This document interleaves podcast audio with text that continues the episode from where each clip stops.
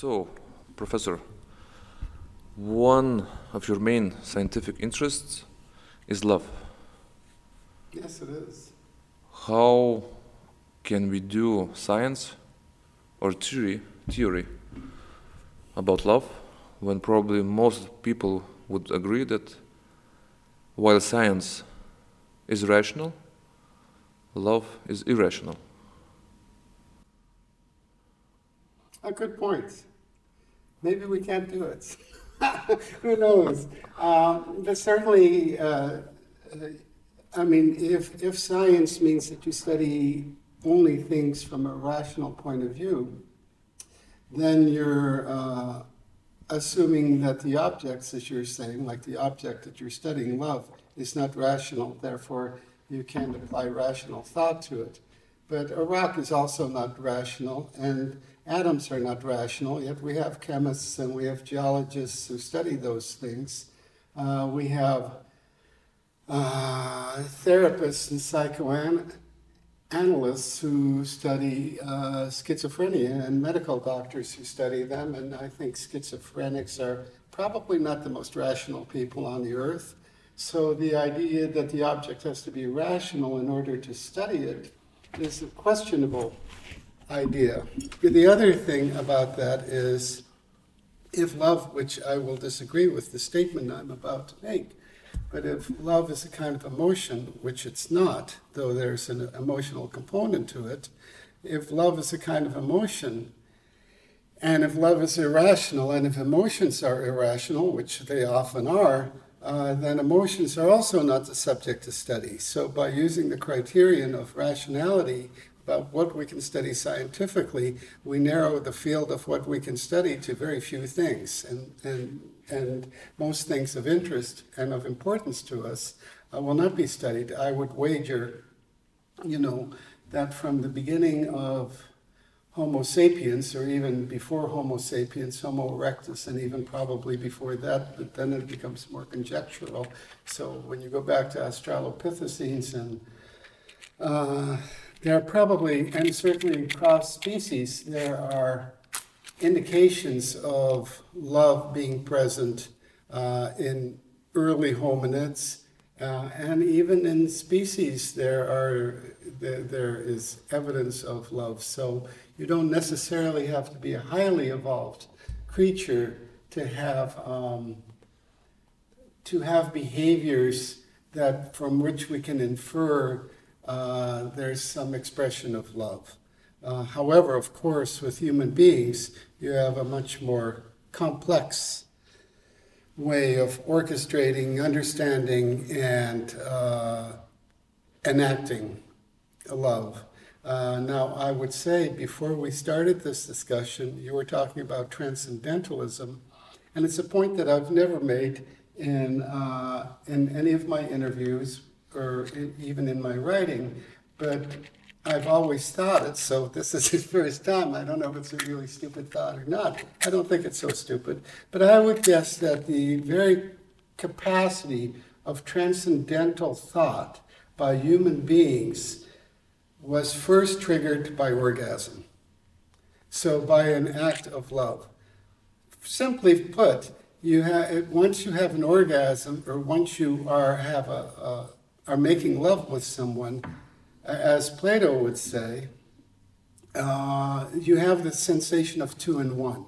So you create more meaning in the moment than actually exists. You're just having sex. Uh, and you're just doing it for reproduction's sake, in some, from some evolutionary uh, fundamental basis. And I believe that. I believe you are just having sex and you're doing it because the species has to survive, and that love is, uh, uh what would it be called? Um, a scaffolding uh, by which we enhance the probability by, of, of, of staying around as a species. Lo- love, is, love is a quality that helps out in the process of maintaining and keeping the species going. Uh, so it, it serves an important evolutionary function. On the other hand, uh, if you have sex with someone and uh, you don't feel this sense of transcendence, then it's purely an act of sex and it doesn't imply anything special. But if you have sex within the context of love and you feel that this orgasm is something that, that is uh, that, that, bond, that bonds you to that individual in, uh, in a spiritual way, so that the two become one, that's a kind of a magical thought. And that magical thought is one of, uh, of a construction of unity, and a construction of unity that really pragmatically and in the real world doesn't exist. It only exists in your mind for that split moment. And not to say that everybody has that, but I think most people who have a love relationship, whether it's in the West or in, in Africa or in Antarctica or wherever or back in time, I think most people, when they have had an orgasm, at some time think of this as some kind of unification of the two as souls. Now, I don't believe in souls, mind you, particularly, though I don't disbelieve in them either. I don't know, but my bet is that they don't exist. But my bet is that it's a pretty good concept for human beings to have. Uh, but in any case, I would guess that, uh, just a conjecture of mine, but I like the story that uh, the first time pe- when people made love and they had that capacity, that transcendent, transcendent feeling led to the possibility of thinking that God exists. So without orgasm, there is no God. I think that's a pretty heavy duty statement. but I don't know, but it could be just pure silliness. But it makes some sense. It does, and it uh, opens up uh, interesting possibilities to theorize. But remembering Plato, he said that uh, while two people are in love, love is not dyadic when you spoke about eros, because when you speak about orgasm and sexuality, is usually it's the romantic love. Mm-hmm. We have to be more specific. So he said that well, with the romantic love, the problem is that the only person who has love is the one who loves, but the one who is being loved, he just gets only attention, but he doesn't have this uh, romantic love in him. So that's why he went to to explore different kind of cosmological love.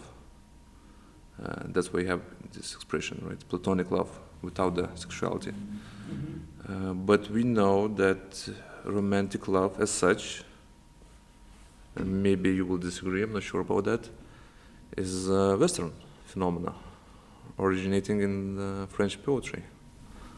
but that's, that's obviously not the case. I mean, there, there's, there's uh, so much evidence to show that romantic love. Uh, there was a man, uh, Bill Jankowiak did a cross-cultural study of 186 countries, I think, out of the 186 uh, cultures, and uh, using all sorts of archival material and material from explorers out of those 188 countries, evidence of romantic love existed in something like 164. I forget exactly. I'm off by one or two, maybe. Mm-hmm. 164 out of the 186 that he studied. So he came to the conclusion that romantic love is a near cultural universal. Then later on, he did more research, and a large reason why he didn't see see indications of romantic love, evidence of it in those 20 are simply people didn't write about it. Most anthropologists and most researchers haven't been interested in, in the idea of romantic love uh, until recently. Certainly in, in India, uh, where you have the Kama Sutra, in, uh, in China, where you also have uh, novels. I can't remember the Red Chamber, I can't remember the name of it, but it's also a book full of the expressions of romantic love. And um, lots of cultures around the world uh, you, you see evidence of romantic love. The thing is that what's unique in, I think, in the West is the idea of romantic love as a, as a permanent dyadic cocoon. Uh, so I think that was unique. There is also the distinction between hypocognizing something and hypercognizing something. So you can have feelings of romantic love, But if there is not a cultural way of elaborating those feelings, of being able to narrate in your head what those, how to respond to those feelings, then uh, you really don't know how to articulate or how to behave. You don't have a, a cultural roadmap, so to speak, to how to behave. Uh, so there are cultures that hypocognize. Hypocognize means they don't have a, a lot of thinking about mm-hmm. it. And there are cultures, like in the West, that over hypercognize mm-hmm. romantic love, so it becomes a thing much more important than it actually is. Like I would have to say that, uh, you know, to be personal, but it's really not a personal statement. My mm-hmm. the romantic love I had for my wife died when we had kids. Didn't completely die, but certainly romantic love is not intended to last for a long time. And if it did, it would, it would drive you crazy. God, thank God that it doesn't exist for too long for most people. But I think it's a, it's a very important kind of turbocharge for a relationship that has all sorts of evolutionary benefits. Mm-hmm. And you don't necessarily need a hyper cognized cultural elaboration of that. Uh, you just need a very minimal hypocognized elaboration of that. For example, the idea of monogamy. Monogamy has come under fire lately by many people who argue that we're not naturally monogamous. And in some sense, we probably aren't, although it's, I don't know where to stand on this issue necessarily. I also interview and do work with people who are polyamorous.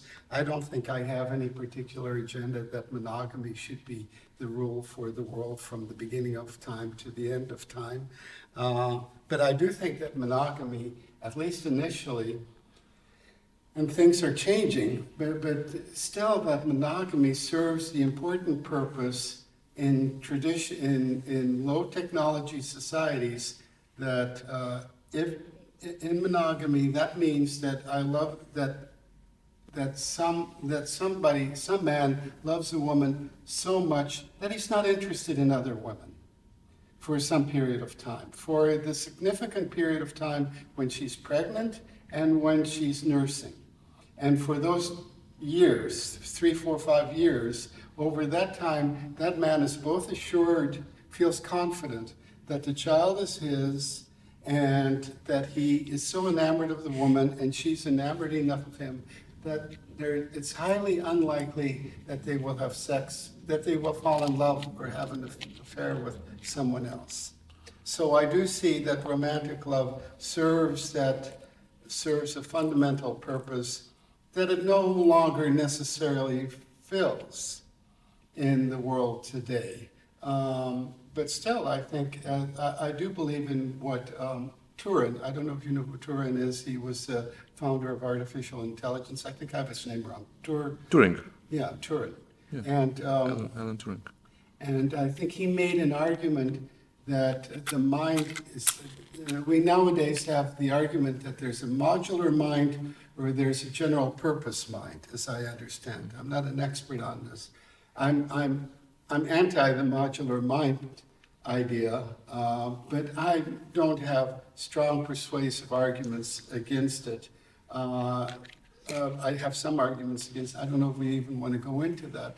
Uh, But the idea that Turing had is, is that the mind, the psyche that human beings have now uh, took thousands of years, if not millions of years, to develop, and it's not likely to change over the next hundred years. So that our psyche, as you know, and as most of the people who are probably listening to this podcast uh, know, hi there out there, um, that for the most part, our psyche is that of, uh, uh, of how we've lived from 200,000 years to uh, about 10,000 years ago, primarily as hunters and gatherers, and that our psyche is, is, our present day psyche is based on that, and it's unlikely to change in the near future, despite the fact that that psyche, which was developed over hundreds of thousands of years, is no longer so adaptive to present day conditions. But it didn't,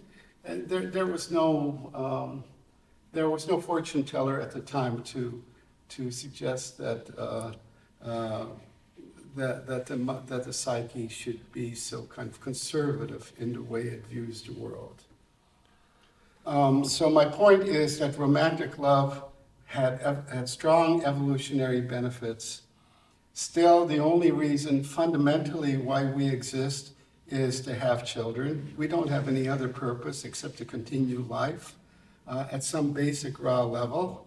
And, uh, and given that those are very strong vectors in determining how we think in our consciousness, I would guess that those vectors are still alive and well, and monogamy still is a fairly important aspect of life, as is uh, romantic love.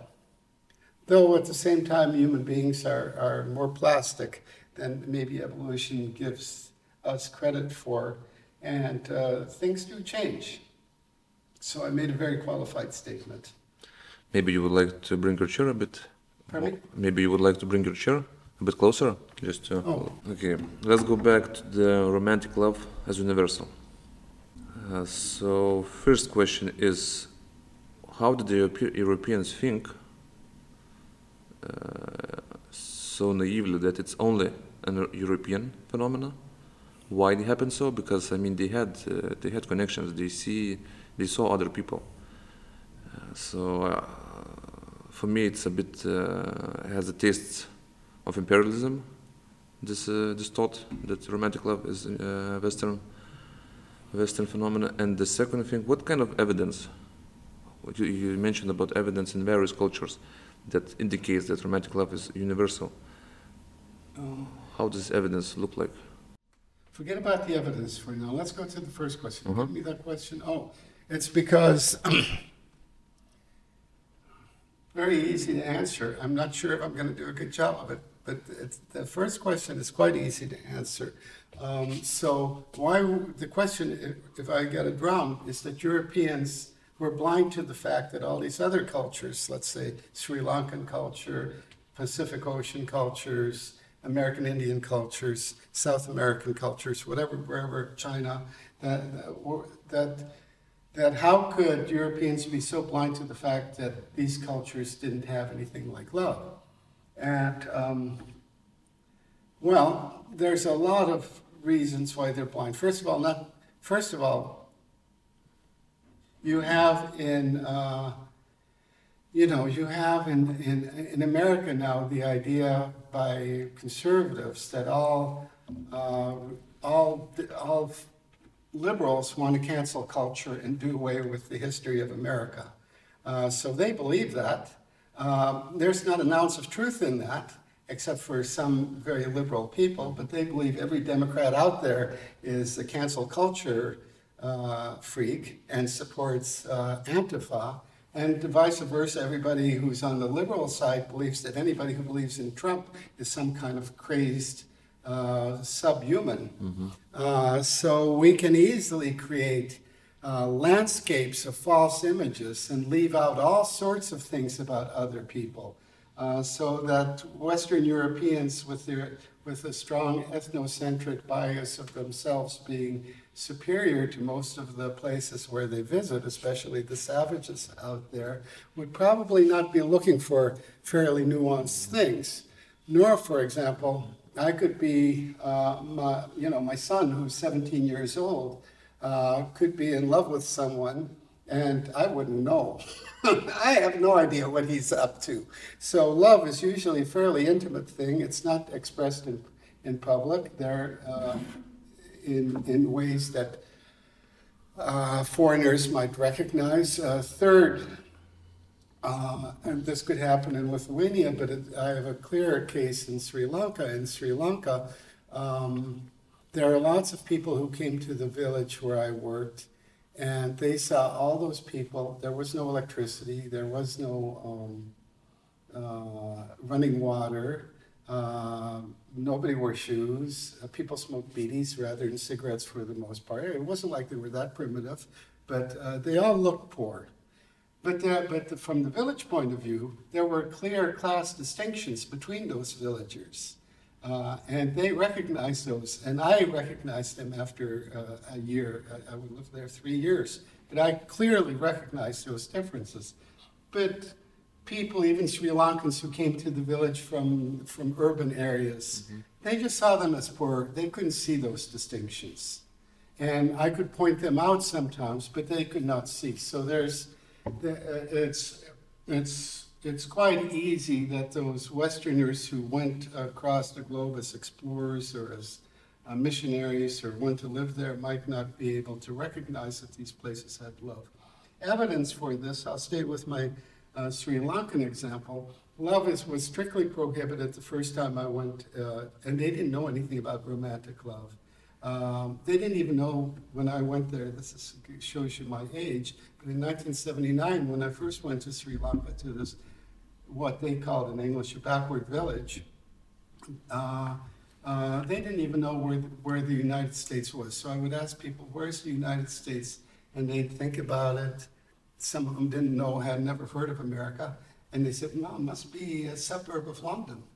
Uh, nobody knew where, where that was. Um, so I was fortunate to live in a place that was still uh, innocent of that. But, but the highest suicide rate was because of uh, romantic, unrequited romantic love.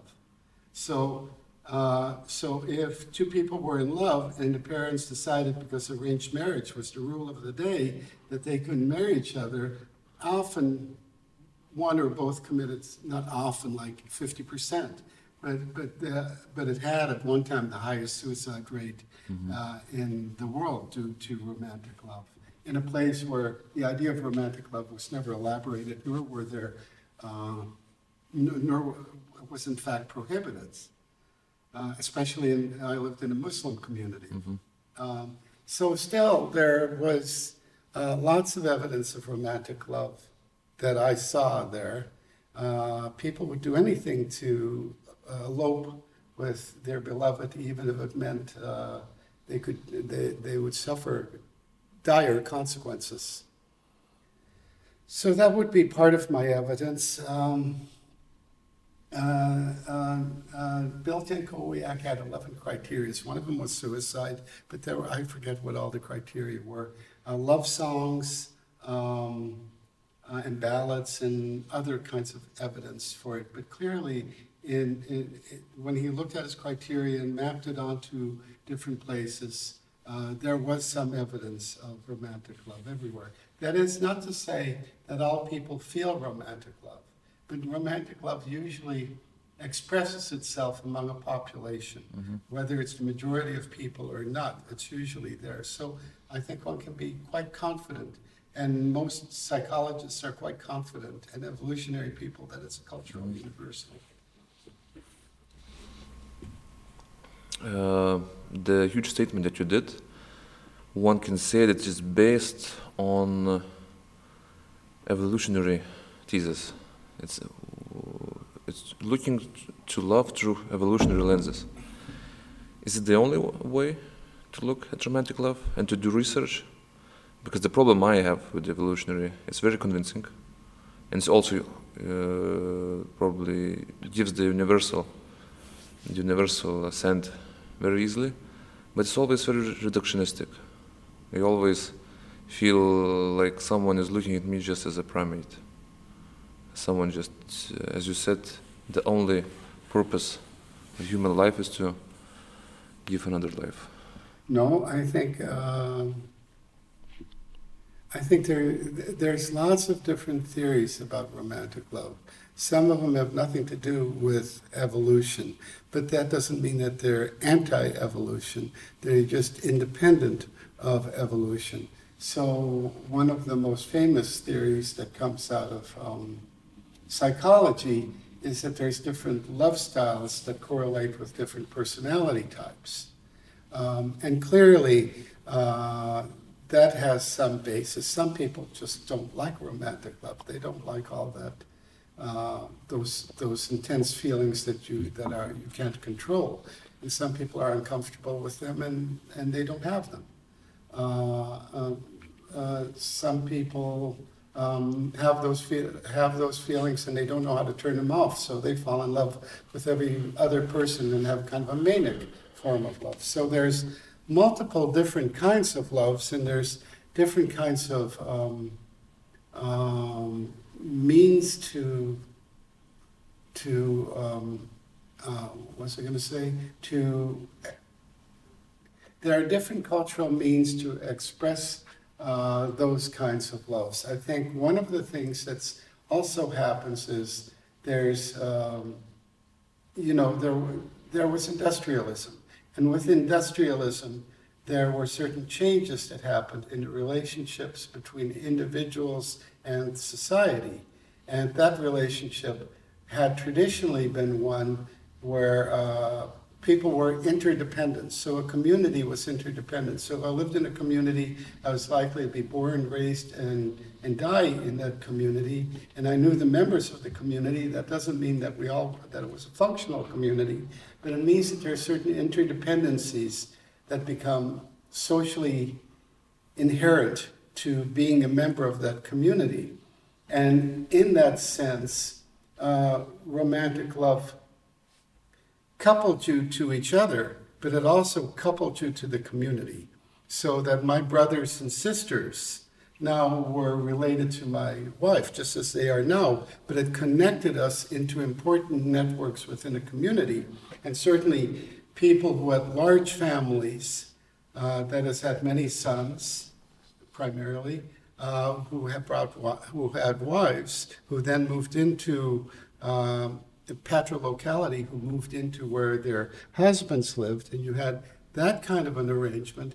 Then you had kind of like a predatory family, so they could knock off families who had fewer children. So there was a lot of um, or the, and uh, families with few children could not compete with families with lots of children, especially in patriarchal conditions, and if you have lots of um, children. Um, uh, so that I think when we saw love traditionally, you had romantic love, but it was also a little bit like the difference between drinking degtinė and drinking a cocktail, or drinking grappa and drinking a cocktail. So uh, when you drink a cocktail, you can still be in love, but you recognize your obligations to a larger field of people. So that your feelings of romantic love are, in a sense, um, uh, um, are, in, in a, are not the raison d'etre for living, mm-hmm. as they are in romantic love. And in romantic love, uh, you and the other person become a kind of royalty to each other. You, you're king and queen to each other, uh, and you have that. But in romantic love, I think in a, where you have arranged marriages or in in pre-industrial age, romantic love was always engaged in other kind of social obligations, in a whole network of deontic rights and obligations. Deontic rights meaning that I have rights and obligations over, over a field of people. Nowadays, with industrialism, those kind of ties to other people are, have been weakened, if not uh, excised. Um, so that I think of myself, and I find this quite interesting in my own love life with my wife, uh, which is a very good relationship, by the way, 20 years now. Um, uh, but clearly now that I'm a professor, which makes me kind of a big shot, and, and I just get to think a lot and read a lot of books and write and have people uh, interview me, and I get a sense of self-importance out of this. So I don't consider myself a selfish person, but but I'm number one in some sense to myself, except for my wife and kids in some sense. But I become an important person, and that kind of autonomy and freedom that I have because of my uh, my position um, leads to leads to a sense of I, I'm disobligated to to the society around me in many ways. I can voluntarily choose to be obligated, so I become politically active in certain things. But in essence, I'm kind of a monk. I don't have many obligations out there uh, in the same way that I used to. I'll just, I get money. I don't have to go over to, uh, to the smith and ask him to make something for me, and I have to do something for him. So the ties that used to bond people in this vast network of obligations with one another no longer exists. And if you become, if you move up in the class hierarchy, you become more and more autonomous in some sense. Um, and you become more and more, in some sense, uh, concerned about yourself. So I think that romantic love has changed quite a bit, a large part because the external constraints that uh, that kept you from thinking of yourself as an as an I. Mm-hmm. And I think what happens is, as I've just re- finished an, uh, an article or almost finished, there's too much me and not enough we. And in the old days, there was a lot of we, and the me could still have a romantic relationship. It could be as substantial as it is in the present day, but that me that was in a relationship there was still immersed in a web of we. Mm-hmm. Now, the me that has a romantic relationship is, is immersed in a small dyad. And that's very different, I think, relationship uh, than it was before very very very interesting thoughts because I, I was thinking in the same patterns actually maybe not so articulated what I could add up to your statement is that even when in these times we think in a clear distinction between them and me or between we and I even this notion of self of I it's already now just not so clearly but it stands on the, as you call the social web. The notions that we think that I choose or it's uh, a value that I prescribe consciously, like usually it also comes from the political body that we're into it. But uh, while people used to see that more clearly back in the days, now it's uh, now it's not so clear. I think to me the spirit of individualism, it gives a false idea of uh, free and uh, consciously driven choice, which is, I think, it's never true. That's one of the that's one of the links.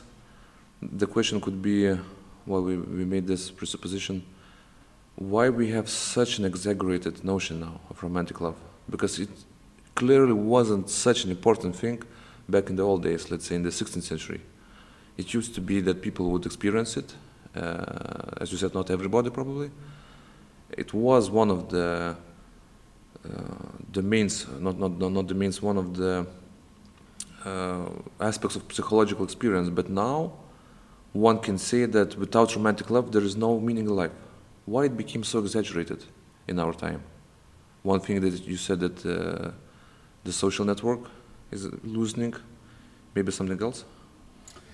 Um, yes, there's, there's, I think, uh, uh, a fair amount of uh, reasons for why it becomes so important, and in a way, it's also become less important. Uh, it's become both more important and less important at the same time, I, I think. Um, I think I read this article just a few days ago. I think it was in an article, it came from some blog but, but a good blog, Aeon, A-E-O-N, uh, on the internet. And the argument was, they argued that they, the data showed that 70% of Americans, when you ask them uh, to, when you ask Americans, uh, put, put the people you know in zones. So the first zone being those people who are closest to you, your core group of people. 17% of Americans put nobody in that zone of closeness. Zero, nil, no people in that zone of closeness. Um, and you know, of course, there's that book that came out, I think, 20 years ago, Bowling Alone. So that now people used to bowl in, in, a famous book by this Harvard sociology professor, I can't quite remember his name, but uh, Americans tend to go bowling alone, and they go to bowling alleys alone rather than with a group of people. I, I think I see this in Lithuania too. Uh, people don't have many friends. They used to have lots of friends, I think. Uh, but in any case, 17% of Americans have nobody that they consider close to them. That's a lot of people that are all alone out there. Uh, human beings, I don't think, are used to living, uh, to being alone uh, living alone, I think we're pretty, we're herd animals with brains.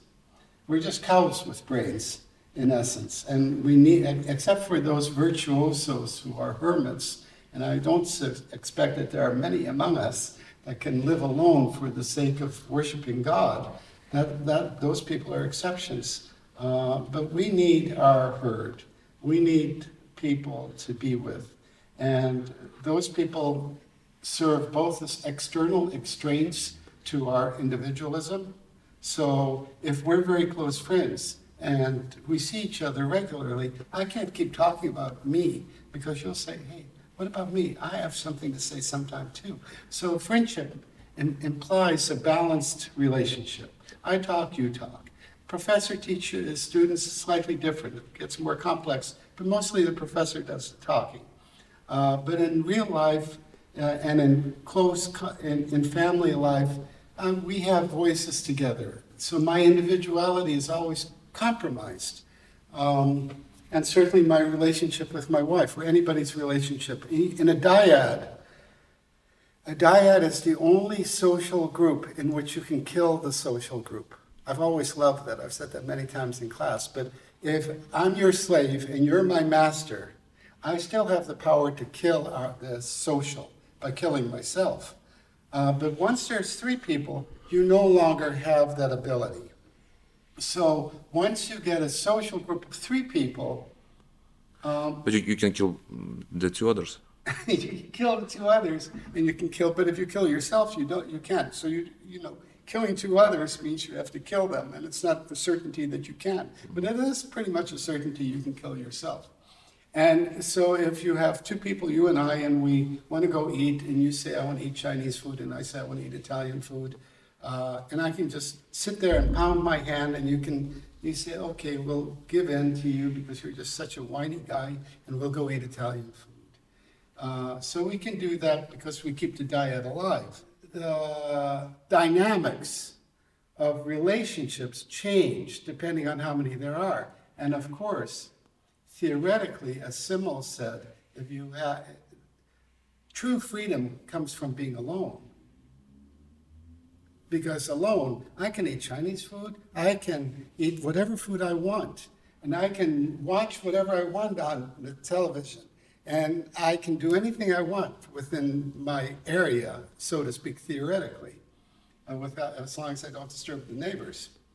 Um, so you have absolute freedom by one, and dyad, you have to make compromises, otherwise it doesn't work well, and to keep it alive.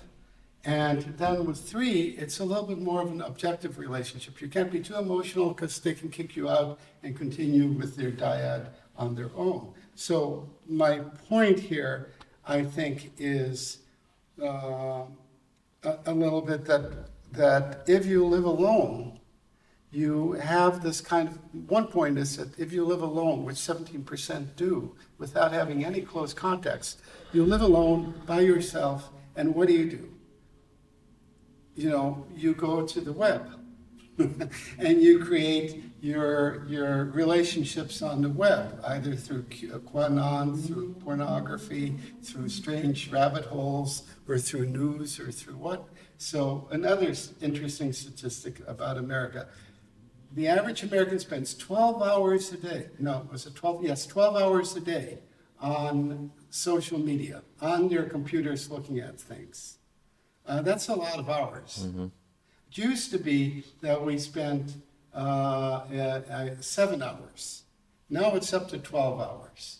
Uh, it's a lot of hours that we spent there. So an argument could be that, um, in terms of romantic love, that we end up being spending so much time in uh, in a virtual world that we tend not to be able to make commitments to people in the real world. So romantic love, in a sense, doesn't die, but it certainly is under deconstruction in the modern day world. Especially the last point I wanted to make, I don't know if I made that point very well, but uh, Jankowiak again argues that every culture has to decide how to regulate the relationship between love and sex. So when we talk about romantic love, we have to also acknowledge that romantic love is not romantic love without sex. It's not possible to have romantic love? Huh? Is it possible to have romantic love without sex? I think not, but it matters a little bit on your definition. Certainly, there, uh, there are books, um, I guess, like Anna Karenina is a little bit like that, but the one I know best is The French Lieutenant's Woman, where you can be deeply in love with someone and it's unrequited. But in my sense of romantic love, I, th- I, I see romantic love as one that's a requited relationship. I don't see romantic love as uh, one vector relationship. Um, and I don't see how you can have romantic love.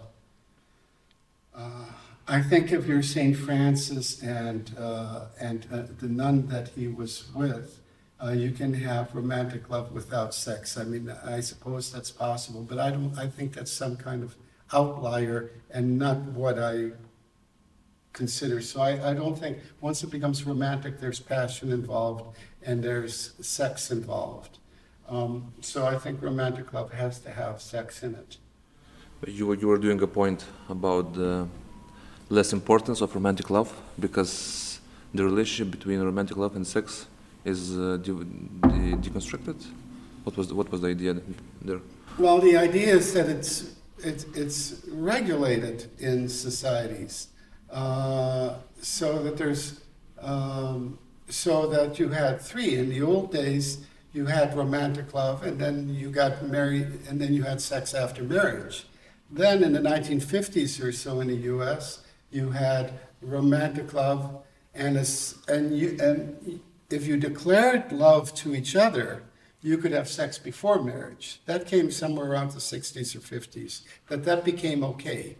But the idea uh, that you can have that you can have sex before you have romantic love, and that this becomes a social norm. Of course, you always had sex before romantic love ever since the first Homo erectus on some at some times. But as a social norm, which is the important thing, uh, now it's it's the social norm is that you can have sexual relationships with someone before you declare romantic love with them, so that uh, so that the normative regulation of those relationships have changed tremendously, and sex has come has played a more prominent role in the relationship than romantic love. So the person who first wrote about this was um, Giddens in 1992 wrote a book, you know, uh, disengaged uh, sex from love. Mm-hmm. And so sex could be something autonomous of romantic love. And once sex becomes autonomous from romantic love, then things become quite confusing. The second thing that happened in the modern age is, from an evolutionary point, one of the ways that men always attracted women was that they had, could get resources. So the argument is men are breadwinners and they strive to be breadwinners because as breadwinners, they become interesting, or, or women become attracted to them as breadwinners. And, uh, and so becoming a breadwinner was something men wanted to do in order to have sex. and also love helped um, uh, legitimize that in the Western world. Um, so, but nowadays, men seem to have messed up tremendously. They're no longer the breadwinners they once were. And, uh, and women now, you know, most college students are are women. Women are being quite successful. There's a book written a few years ago on the end of men, which shows you all this horrible data in which women are horrible data in the sense of, of not that women are doing well, but that men are doing so bad uh, in the contemporary world. And one of the arguments that uh, is made by a guy named uh, Regnerus is that, well, men don't need to be breadwinners anymore to have sex. So if breadwinner, so if part of the motivation for a man to be hardworking, industrious, and be a breadwinner is that he's attractive to women who will then marry him and then he'll have sex with them and then he'll have children. Now, because he can watch pornography, he can masturbate, he can go. I mean, there are arguments made that only a few men do this and are successful, but still, it seems that if a man wants to, he can easily get dates on uh, various sites. So, an example that I frequently give is if I write on Tinder, I'm available to any woman who wants me. Um, I'm not likely to get men and, give my picture showing all my muscles and, and my wonderful gray beard or prickly beard. Uh, I don't think there are many women who are going, I might get some gay guys, but I'm not likely to get uh, many women who are going to, to phone me and say, yes, I want sex with you. But if I'm uh, my wife or some nice voluptuous woman or any woman, it doesn't really matter that much within some parameters, and says, I'm willing to have sex with any man who phones me up right now, she'll get a fair amount of phone calls.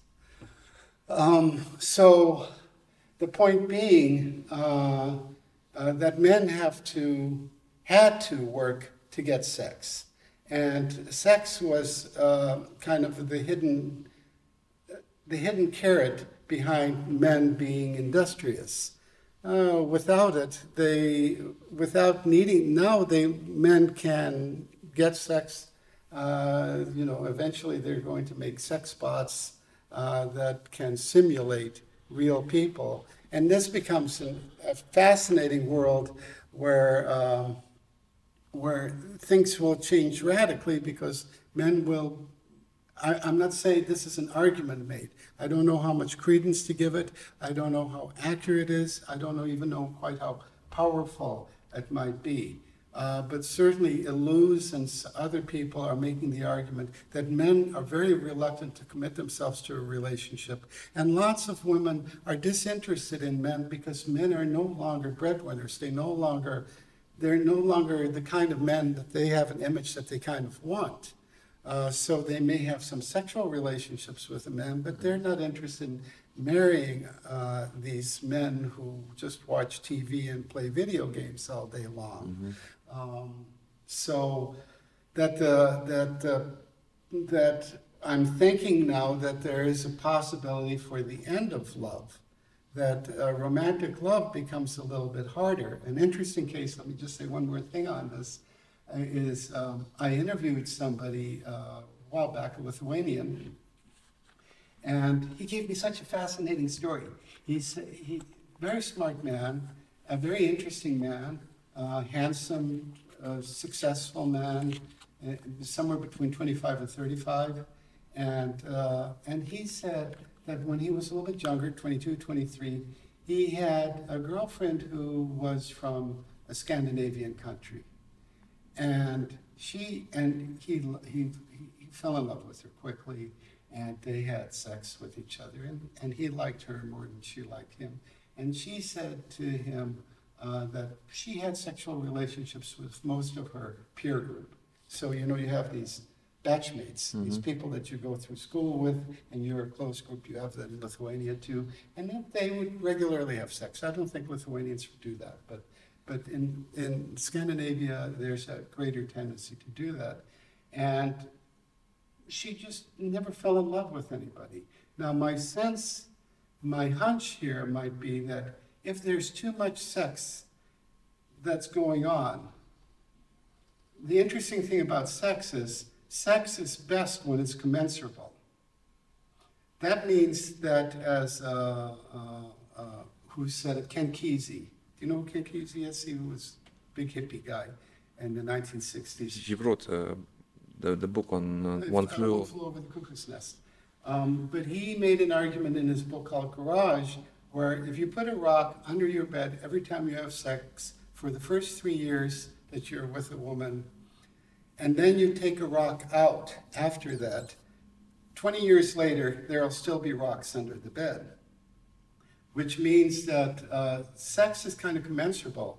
Every time you get a new partner, you're likely to have a lot more sex than your old partner who you had sex with for three, four years, and then it kind of doesn't, it isn't the same as it was in the beginning. So sex doesn't require love or a relationship particular for it to be desired, uh, isn't necessarily satisfying, but to be desired. It doesn't require any of that. And you're probably more in heat if you can access many different women or men. Uh, and love is another thing. Love is something, i- is, the relationship is incommensurable. That is, if I, if I change sex partners, I don't care about that sex partner, but changing a wife or losing a wife or losing a loved one is a tremendously terrible thing. So, um, so you, that's one reason you don't have sex with other people. Uh, it's an external constraint because that person is incommensurable. Now, when people cease to be incommensurable to, to one another, then what happens? And that relationship of incommensurability, that you're my one and only, that we can't, that uh, without you, uh, my life is devastated. Uh, I think that's an important aspect of romantic love. And I think it's one that can weaken because love and sex are related to each other. And they're not, and, and, and from an evolutionary point of view, they're related in very primitive ways. Very minimal ways are they related to each other. And, um, and if we can disengage those two and we can give easy access to sex, what does that do to the status of romantic love? And that becomes, I think, an important question for the future. That's the end of what I have to say for that. But it becomes a tremendously important question. You spoke about how romantic love is getting less important, but if we look at the books, at the movies, at the way people see Yes, their life stories, but I can explain that. please. Uh, there's a guy, Chuck Lindholm, who talks about this. Chuck Lindholm wrote an article called The Future of Love. He's a, Chuck Lindholm's quite an interesting character. He makes the point, um, see, it's a very interesting thing. I'm, gonna, I'm, I'm going to back up a little bit and talk about me. But this is it. Before I had children, I had children when I was in my 50s, first child. I didn't, never wanted children. Well, I did want children, but I never thought it was possible uh, to have children. Uh, um, I was a totally different person than, af- than when after I had children. I died, essentially. Uh, what I was before 50 is not what I was after I had children, because now the relationships become unconditional. Unconditional meaning if my child acts up, I, I might, if, if you were my, if my friend acted up like that, I might say, go away, but it's my child, don't act up. So, so that's an important thing. So family becomes an important thing because it becomes a base of meaning. So I have a job. My job in America is fair, frankly really terrible in many ways. It's a good job. I'm a professor, but uh, but for lots of reasons that I can go into. But this isn't what this is about. Most professors in America uh, are are quite despondent because the money that the state provides for the university used to be over fifty percent.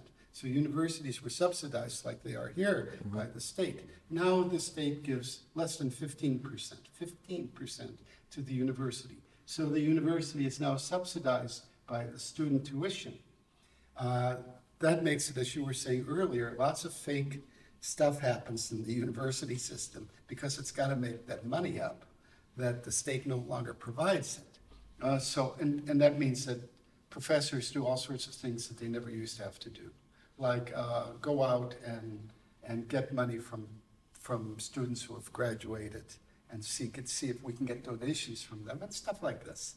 Not every university does this, but they do, and you- they increase it. But the point is here that that's a lousy job. But if I was living alone, I'd probably quit, do something else. But I have a family to support. I go, complain, whine, come back. As long as my check comes and as long as there's bread on the table, I'm good to go. I can complain, but I'm still good to go. But if I were alone, I would not be good to go. What's the meaning of my life? What's the purpose of it? The family and serves and social groups serve as a basis for meaning in life. One of the reasons people are so loyal to Trump is because he gives them meaning in life. I don't know how he does it, but he does give them meaning. And so there are people who follow uh, Trump around like they used to, like they follow the Grateful Dead around. 17% of people live by themselves. A lot of people don't have much meaning in life. They're unhappy with their jobs.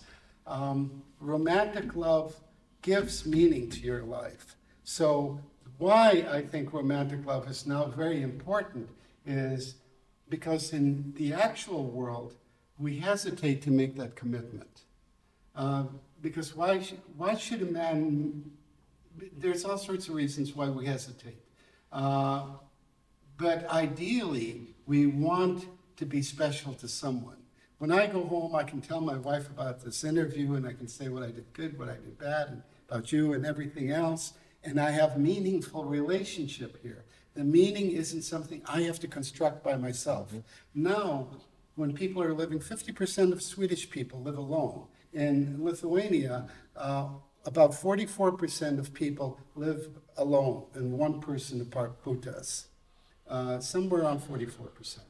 Um, so more and more people are living autonomous lives alone with their computer. um, hard for an individual to construct meaning. Some people can do that, but it's very hard. We're herd animals. That love relationship becomes ever so much more important. When that person comes to me, smiles, and I believe that person thinks I'm special, and I think they're special, I can go do my shitty job. It doesn't matter what kind of job it is. I can complain, but I'll do it. But for myself, I don't think most people can muster the self love or the whatever it takes to create a world of meaning on their own. Meaning is a cultural product. Uh, dyad is a culture. And we create a culture of love between a couple. And so romantic love becomes harder and harder to get because we're more and more individualistic. And we are not as willing to make the compromises we have to. And there's a lot of ambiguity in the hierarchy of the relationship. And kids are horrible these days. Uh, you know, they live on the computer. Uh, the, the, the, the tasks of a family are so much more difficult than they used to be. I don't think that's nostalgia talking. I think that's actually the case. Though I do think the world in some ways is getting better. But I think raising, I'm raising three boys. Uh, it's, it's really near impossible to do that well because they all want to be on a computer from morning till evening. That's all they want to do, actually. And they're healthy, good boys. Um, but to, that, to live in a virtual reality, they're the first generation that spends mm-hmm. most of their life in a virtual reality. I never spend any time on virtual reality. Even now, I don't play any games on the computer. I don't know. I don't want to play games. But what does that lead to? But in any case, it leads to them also being socially inept. COVID really messed things up. And now, are they going to live alone? And if they live alone, how are they going to make contact with a woman or a guy if they're gay? I don't know. I don't really care if they're gay or heterosexual, but I think it's, it, it's of fundamental importance to the well-being of, of the human race that human beings fall in love, have families, whether it's polyamorous families, whether it's homosexual families, or whether it's heterosexual families hardly matters, but people need core groups of people to live with. However, they construct those people in the future hardly matters to me. Uh, but they need to construct them and they need to be inherently and intrinsically, not, you know, you and I, we have a relationship because I'm a carpenter and you're a, and you're a plumber and we live together because we can build houses together. We can't, we can't create groups that are based on on, on instrumental reasons. We have to have groups that are based on love initially. And when that romantic love transforms to what might be called true love or something else, but it, you know, it turns into something uh, social.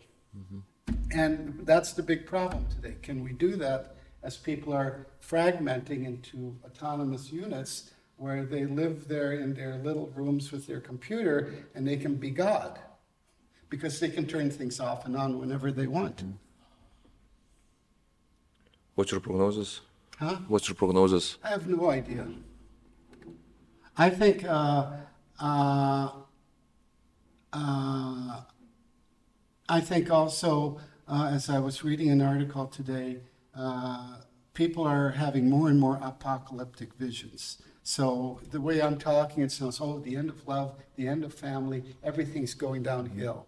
And then people will talk about global warming, and they'll say it's everything is going to go downhill. And then other people will say, from the left and from the right, and it made me think when I read that article that I don't want to be apolo- a- ap- apocalyptic, ap- apocalypse. Uh, I don't want to be extreme about this. Um, I think family and will probably continue in some form. I, I think, I think we've managed to, to be around for two hundred thousand years. Hopefully, we'll do it another two hundred thousand years. And, and, but I'm sure that something like love will have to be there. There have, because individuals by themselves cannot construct meaning. And without a sense, without an intrinsic sense of meaning, which is what love gives, uh, we become something other than human. We know that there are some folks who would like that. Hmm? We know that there are some folks who would like to be more than human, Mhm. but that's a different topic. If to localize a bit our discussion, you did a few research papers on uh, Lithuanians, Mhm. how Lithuanians perceive love, or how do you they just do love, how they love.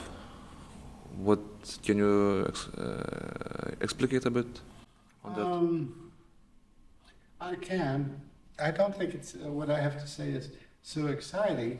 Um, it was interesting, I came here in 2001 by accident, um, real, literally by accident for a year. Professor, can you speak to the microphone, please? Oh, I, I came here in 2001 by accident uh, for a year. It was actually by accident um, on a Fulbright scholarship uh, that I could choose almost any country I wanted to, and I just chose uh, uh, Lithuania. I didn't even know much about it.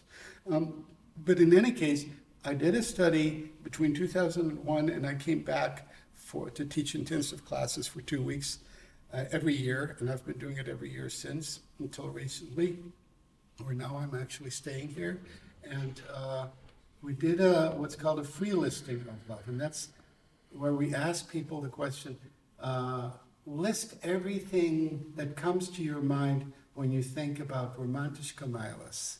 And we said this all in Lithuanian, and they and we had 80 people from Vilnius and Kaunas and 80 people from rural areas do it. So we had 160 people write these long lists. People would write 20 things, and they would write like sex and and walking on the beach and all sorts of things. And but the one thing that out of the 160 people uh, did not mention was friendship. They didn't say friendship comes to your mind when you think about romantic love. But they said all sorts of romantic things. And, uh, but they also said that romantic love doesn't really exist. It's phony, it's soap bubbles, it's Disneyland, it's temporary. So they, they were critiquing romantic love as something real. But as if, as, and also we did this with Russians. They did essentially the same thing. Both, um, both Lithuanians and Russians, there were differences, but not many, saw romantic love kind of romantically. And these were people who weren't romantic, because one person I talked to, and, and, and for a male, and other males would say, you know, with three men, who needs women? that meaning that in a conversation, not in terms of sex, but in terms of having a good time having a conversation. You don't have women for conver- for for conversations. They're for other purposes, family purposes. False. But in any case, yes, of course. But in any case, they did have romantic visions of romantic love, while the Americans had no romantic visions. Zero romantic. But friendship was the most important thing for Americans. So I did it with 80 people in America, more actually, and uh, uh, uh, uh, how many? 160 people here, rural and urban. Did it with lots of people in America. Nobody here, not out of the 160, I'm sorry, it's 80, 80 from uh, rural and urban, nobody said friendship. But a lot of people said love is phony. Love just uh, is temporary. Americans never said, a few did, but rarely said it was temporary. Love was all important to them. Now, when I do free lists here in Lithuania, friendship is mentioned. And I tell them, well, in 2005, nobody mentioned friendship. 160, come on. Somebody mentions it once. Nope. Uh, but now it's, it's like number three or four in, in terms of frequency. If I ask 80 Lithuanians, uh, I don't remember the exact, uh, I've done it in 2021 and 2017, uh, 2019. Um, they'll, I'll get out of 20 people, 10 people will say, let's say about 50% will say friendship, maybe a little bit less, but a lot. And less will say that it's unreal and temporary. So love has become more Americanized in some ways.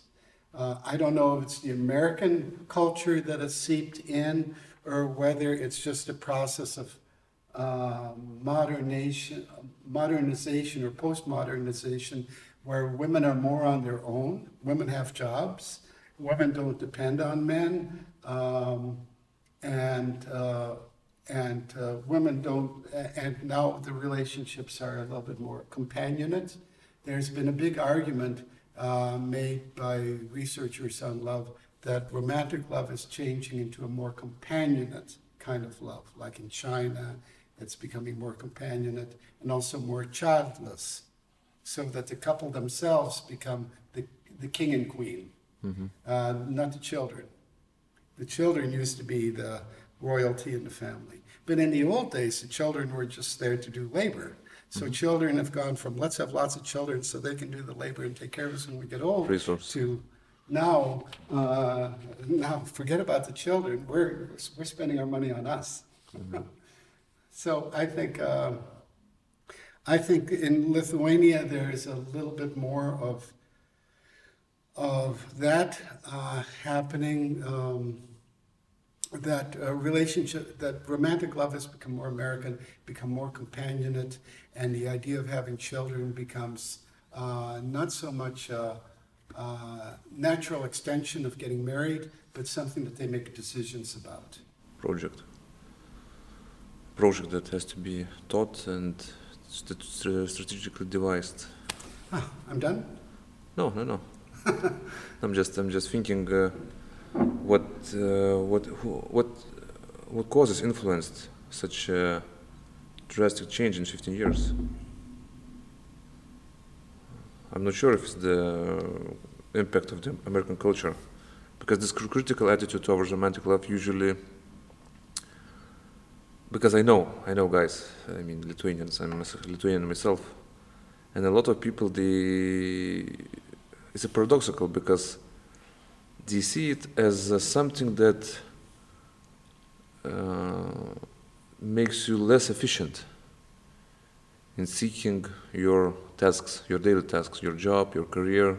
So it's just something that exhausts a lot of your time, and it will it will vanish in a year or two while Americans, usually the most pragmatic country in the world, with the, their, the only authentic philosophy they made was pragmatism, which is, I like it a lot. They are more idealistic in this sense. They're more what? Idealistic in this sense. I would put it the other way around, but yes, I see your point. How would you put it? Hmm? How would you put it, the point? Well, I think of romantic love, like you say, it's a way. It's a. As one person said a long time ago in 2005, it's a cosmic waste of energy. You you, you kind of said the same thing, and that's a very uh, Lithuanian way of traditionally seeing romantic love.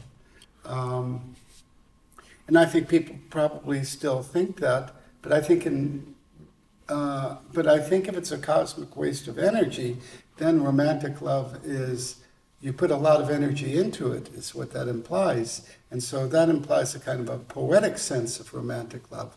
Where in, in the US, uh, I did do another uh, kind of study, and it, it shows clearly that when Americans think of romantic love, they think of it as, well, now I can fart around, my, around the person.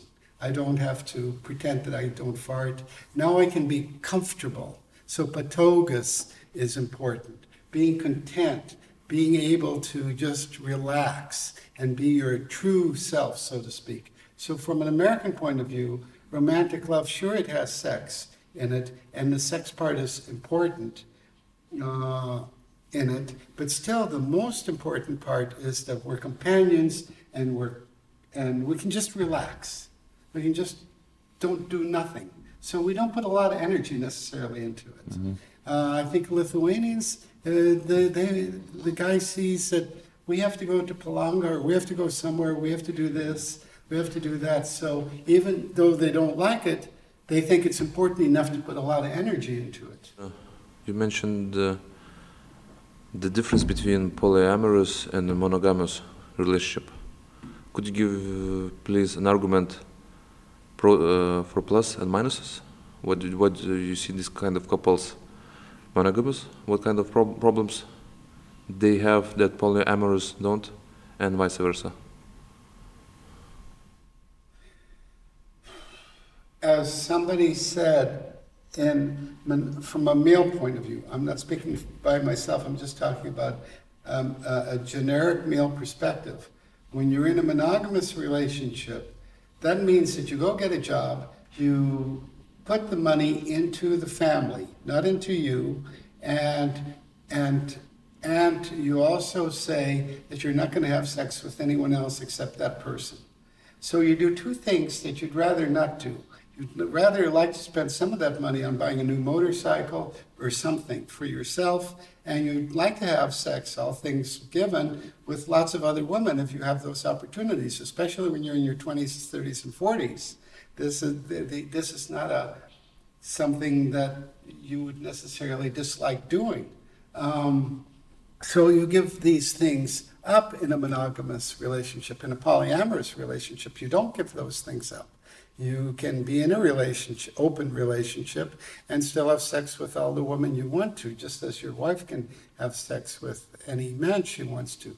I do believe in the fact, and there have been lots of studies that have shown this, and uh, and I am making this argument mostly because of those studies that men have a much stronger sexual drive than women, and though women do have a strong have a sexual drive, and, and, probably get more pleasure out of it than men do because they have more sensory uh, uh, uh, cells to to please them than men do. Uh, this is not an area I know much about, uh, but whatever it is, men have a stronger sexual drive than uh, women, and I think um, most men, if they were in a culture where they could be in love with a woman and have sex on the side, uh, would probably go for it. Um, I think that's what polyamory allows. Polyamory, if you take away the, the sex part, also allows for a more communal lifestyle that's a bit more realistic for the modern world. So, as one polyamorous person told me at the end of our uh, uh, of our interviews, I always interview somebody three times, and if somebody wants me to interview them on any subject about romantic love, I'd be glad uh, to do so. Uh, so. Uh, if they can contact you and you can send their email to me, that would be great. Um, uh, but the point is, as this woman said, uh, I was complaining that my wife and I, we have three kids, and, and, and it's a lot of work to be a decent father and to take care of this whole thing. And she said, Well, wouldn't it be great if you had another wife? Uh, in terms of the division of labor, not in mm-hmm. terms of sex.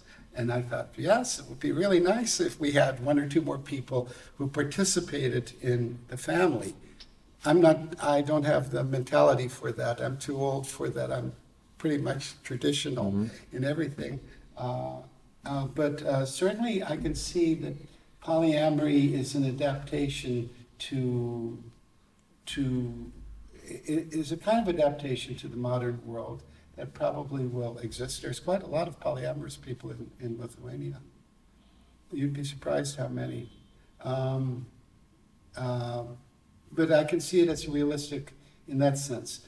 Um, from what I understand about polyamory, on, however, there's the idealistic ones who see it as a way of life and who see it as we have an open relationship and we can have sexual relationships outside and we have uh, ethical uh, obligations to those people outside and to our relationship. So everything is about defining the relationship. And there's a lot of psychological work in having a polyamorous relationship. So it's not a simple thing. So there's the ideological polyamory, which I think is quite complex and difficult to maintain. Um, and if, if you think that having one lover is a prob, is a waste of energy, think of having three or four. That can be psychologically just drive you crazy. But the other part of polyamory is that a lot of people get into it not for ideological reasons, but for pure sex. So there's a lot of interesting things sexually that people do in polyamorous relationships. So it can be just about sex sometimes, I mm-hmm. think. I think for the most part, as I understand, a man will say, Well, I just don't have enough sex at home. So I'm in a polyamorous relationship just to get more sex. I'm not looking for love. Um, I, I, I I don't want it to be prostitution. I want it to be kind of a friendship too. So polyamory has both those functions. Um, for some women, it also has those functions. Uh, a lot of times, women enjoy polyamory much more than men do. Um, and a lot of time, BDSM is a part of polyamory, not always. For monogamous relationships, um, you know, those are the advantages of polyamory. You get more sex, and you may possibly have more people who participate in uh, taking care of the labor it takes to have a family. Why, why would someone take care of children? Which, Huh? Why would someone take care of children which are not their own? Um, well, you know, some people like children, uh, and, and it's it's it's uh, you know, in a polyamory, relationships are always contingent and confluent. So contingent and confluent means that they're not necessarily permanent, and confluent means that uh, you're in it as long as it makes sense for you uh, as long as it has some benefits to you. So if you've been living all alone and or your your your significant other uh, doesn't have children and you want children, then you can be in there and then you can be kind of like an auntie to, to these people. And uh, I don't know, people like that sometimes, uh, but you can always get out. I mean, those real, polyamory is always contingent and, and, and defined. Monogamous relationships, except of course if you're among the elite, is hardly ever uh, considered in a priori or initially to be contingent or confluent. That means you're in it and regardless of the bad things that happen. I mean, you may not in reality, but you assume that. And uh, you assume that it's enduring, that it lasts a long time. And the downsides of the polyamorous? Is there any downsides? To what? Polyamorous relationship, or is it just better than Oh, one? there's a, no, I never said it was better. It's just uh, very different, and it's certainly a, a, a- a feasible adaptation because lots of people are, are, are doing that. And certainly when you unhook sex from reproduction, the consequences of that are that sex becomes a form of entertainment. So it no longer has some kind of sacred uh, correlation with reproduction and the church. Uh, it's just a form of entertainment. So it's, it's, it has a different function than it traditionally had. Um, so the downsides of polyamory uh, seem to me to be it's too complicated. Uh, uh, for me, just one intimate relationship is enough, uh, and I'm willing to sacrifice the possibility of having sex with other women uh, for because uh, uh, for that reason. Um, it's a lot of psychological work. All this defining the relationship. Um, and and you know, my wife and I have a fair amount of arguments about all sorts of things. And I see relationships now as being contingent because some of the things we argue about are things that have to do with our personal space and our personal autonomy.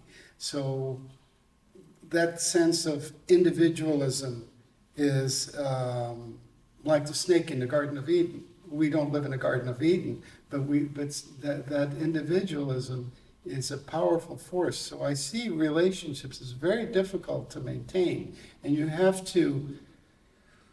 Uh, and, and to maintain them is difficult. I can't imagine doing that with three or four relationships. Uh, and I don't think I would be very good at, if I saw some other man having sexual relationships with my wife, I think I would not be pleased by this, no matter how we define our relationship. This, this isn't going to happen to me. And, and I'm going to be okay with this.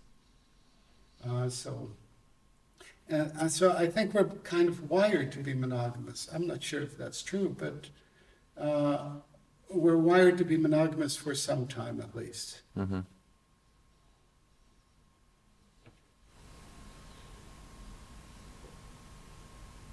So, I also think it's important, my last point here on is, as I said before, in terms of meaning, I think the important thing about meaning, and I don't mean to, uh, meaning I think is of fundamental importance for human beings to be psychologically healthy creatures on this planet.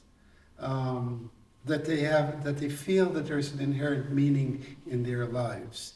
Uh, and uh, certainly in the old days, we were much more effective at, at having meaning in our lives. Nowadays, it becomes harder to grasp the meaning of our lives. So when I went to Sri Lanka and I would ask people, well, how about meaning? They, they never think about meaning. Everything is meaningful. There's a nice article on spurious and genuine cultures, which argues that in some cultures, meaning is obvious in what you do. Uh, everything is meaningful in that sense. Uh, but in our world, meaning is not so obvious in everything we do. Uh, as you know from your work here, it can be questioned.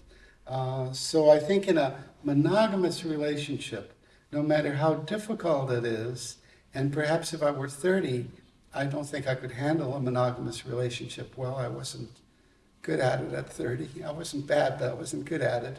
But at my age, I'm a little better at this. But uh, I'm special to my wife. I'm special to my kids. I like the idea. I'm not special to anyone else. I don't really want to be special to anyone. I don't really care. I, I like other people. I, I can deeply, I can say with uh, complete honesty that I enjoy human beings. Uh, I, I, usually think most human beings are good human beings.